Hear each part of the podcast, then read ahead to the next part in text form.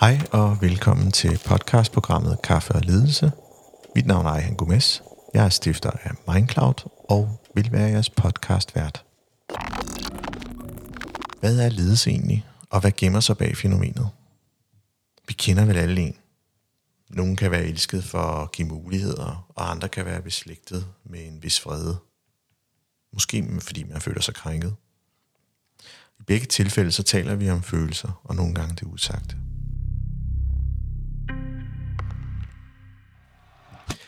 Hvorfor det her podcastprogram, kan det være, du tænker? Det er i hvert fald det første afsnit, og det er en kaffekop med mig selv. Jeg havde brug for lige at fortælle i hvert fald, hvad der ligger bag konceptet, og hvad jeg håber, at jeg kan være med til at bidrage til, og hvad vi kan opnå med programmet. Ledelse er jo forskellige ting, og hvis du spurgte 20 mennesker, hvilket skete i, i min uddannelse i diplom i ledelse, jeg tror første undervisningsdag, der spurgte læreren ud, skriv de tre første ord, der kommer op på lystavlen, ned på et stykke papir, når I tænker på ledelse. Og det gik op for mig, at blandt de 20 mennesker, jamen der var nogle gennemgående ord, ja, men der var virkelig, virkelig forskel. Ledelse som håndværk, det strækker vel længere ud at kunne eksekvere strategier, have målfokus samt øh, vise handlekraft. At nå sine mål og, og skabe resultater gennem andre må vel også kræve en indsigt i sig selv. Og det er det, jeg tænker, jeg vil prøve at opnå med, med den her samtale. Og jeg vil også komme lidt ind på det. Det her med at, og ikke at snakke om det, der er svært omkring ledelse, kan være et følsomt emne for en leder. Det kan være, at det starter en uro og diskussioner, som man ikke nødvendigvis har lyst til at, at, at involvere sig i og dele med, med andre – men på den anden side, så, så kan det jo ende med at blive et tabu, fordi det også ikke giver muligheden for andre kollegaer til at hjælpe dig i den situation, du eventuelt kunne være i. Fuld forståelse for, at der er en personlig grænse for, hvornår vi ønsker at dele noget, som kan ligge os nært. Men når det er sagt, så synes jeg også efterhånden, at, at det er normen, at, øh, privat og arbejdsliv, det flyder sammen.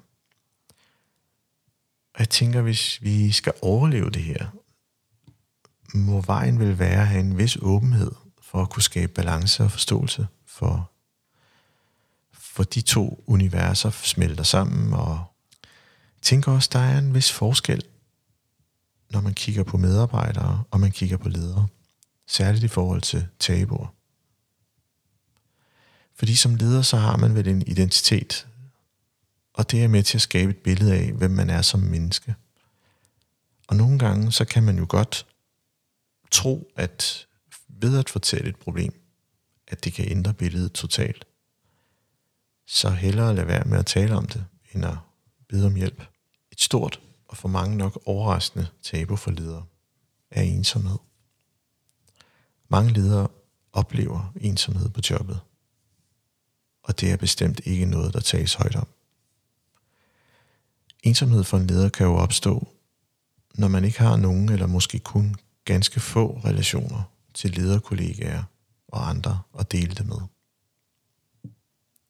Ensomhed er sjældent noget, der bliver fremhævet først, når en leder stiller sig frem og taler om sig selv. Det er succeserne og de personlige sejre, der bliver i talesat. Og bag de her skåletaler og vindermentalitet, så gemmer der oftest ledelsesmæssige udfordringer, som måske kan være svære at forholde sig til. Ensomhed er et tema, der ofte bliver kredset om, når jeg taler med andre ledere. Mange føler sig ikke til fulde forstået af deres medarbejdere, og måske også den her med at være en del af flokken kan være et problem. Følelse af ensomhed er det også en oplevelse af kontroltab. Og er det egentlig også det, der kan være svært at stille sig op og tale om succeser og alt det positive, når det forventes? ensomhed har jo ikke et parløb med en succes. Du kan sagtens opnå gode resultater, men stadig have en følelse af ensomhed. Hvem kender ikke følelsen af at sidde til et familiearrangement, og man er sammen med mange, mange mennesker, og følelsen af ensomhed pludselig kan banke på. Min pointe er, måske det her overdrevne brug af positiv psykologi, måske også i kombination med et ledelsesparadigme, som, som ofte er repræsenteret af målstyring og, og New Public Management, ikke er den gode cocktail. Jeg siger ikke, der er noget galt i at tænke positivt og fejre succeserne, men det kan hurtigt nemt risikere at blive en iscenesættelse, der ikke fjerner følelsen af kontroltab, ensomhed og frygten for at miste.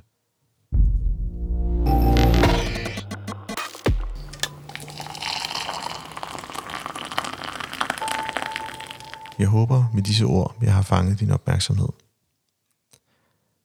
Over en kop kaffe og en fin samtale med en gæst. have et fokus på mennesket bag lederen. Og så vil jeg bare gerne undersøge det her. Blive klogere og dele med alle jer andre. Jeg synes, der er utrolig mange guldkorn i de samtaler, jeg har, som flere af os kan måske have gavn af at vide. Og emnerne er jo egentlig bare en ramme. Men det samtalen og det, der foregår, er det mest relevante. Jeg vil bestræbe mig på, at det ikke får en interviewform, hvilket er en svær øvelse øh, og prøve at skabe en afslappende kaffemødekultur, når man egentlig skal tale ind i en mikrofon og trykke på nogle knapper. Øh, jeg er selv også ramt af en vis præstation i den her forbindelse, øh, og jeg ved, jeg taler med mine børn om det, at de siger, far, det kan du sagtens. Du lyder jo super godt.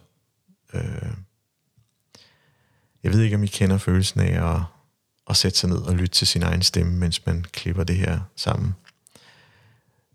Det er ikke, det bliver jeg aldrig fan af, min egen stemme. Øh, så gerne give noget love på den, øh, så jeg i hvert fald ikke får noget, noget, noget på selvværdskontoen. Vi taler rigtig meget om bæredygtighed. Og alt det, vi skal forandre i vores ledelse i verden og planeten omkring os. Øh, men måske skulle vi også bruge noget tid på at tale om det, der er forudsætningerne for, at vi kan være bæredygtige. Og det er sådan et koncept, jeg kalder væredygtighed. At være er faktisk ret svært. Være sig selv. Være autentisk. Være til stede. Ja, vi har jo hinanden på lånt tid, Øh, lad os få det bedste ud af det. Ja, det bliver jo lidt en, øh, en selvterapeutisk tale, øh, når man sidder i, sin, i sit køkken og har smidt børnene ud for at kunne optage i fred og ro. Øhm, ja, jeg synes, jeg kom godt omkring emnet.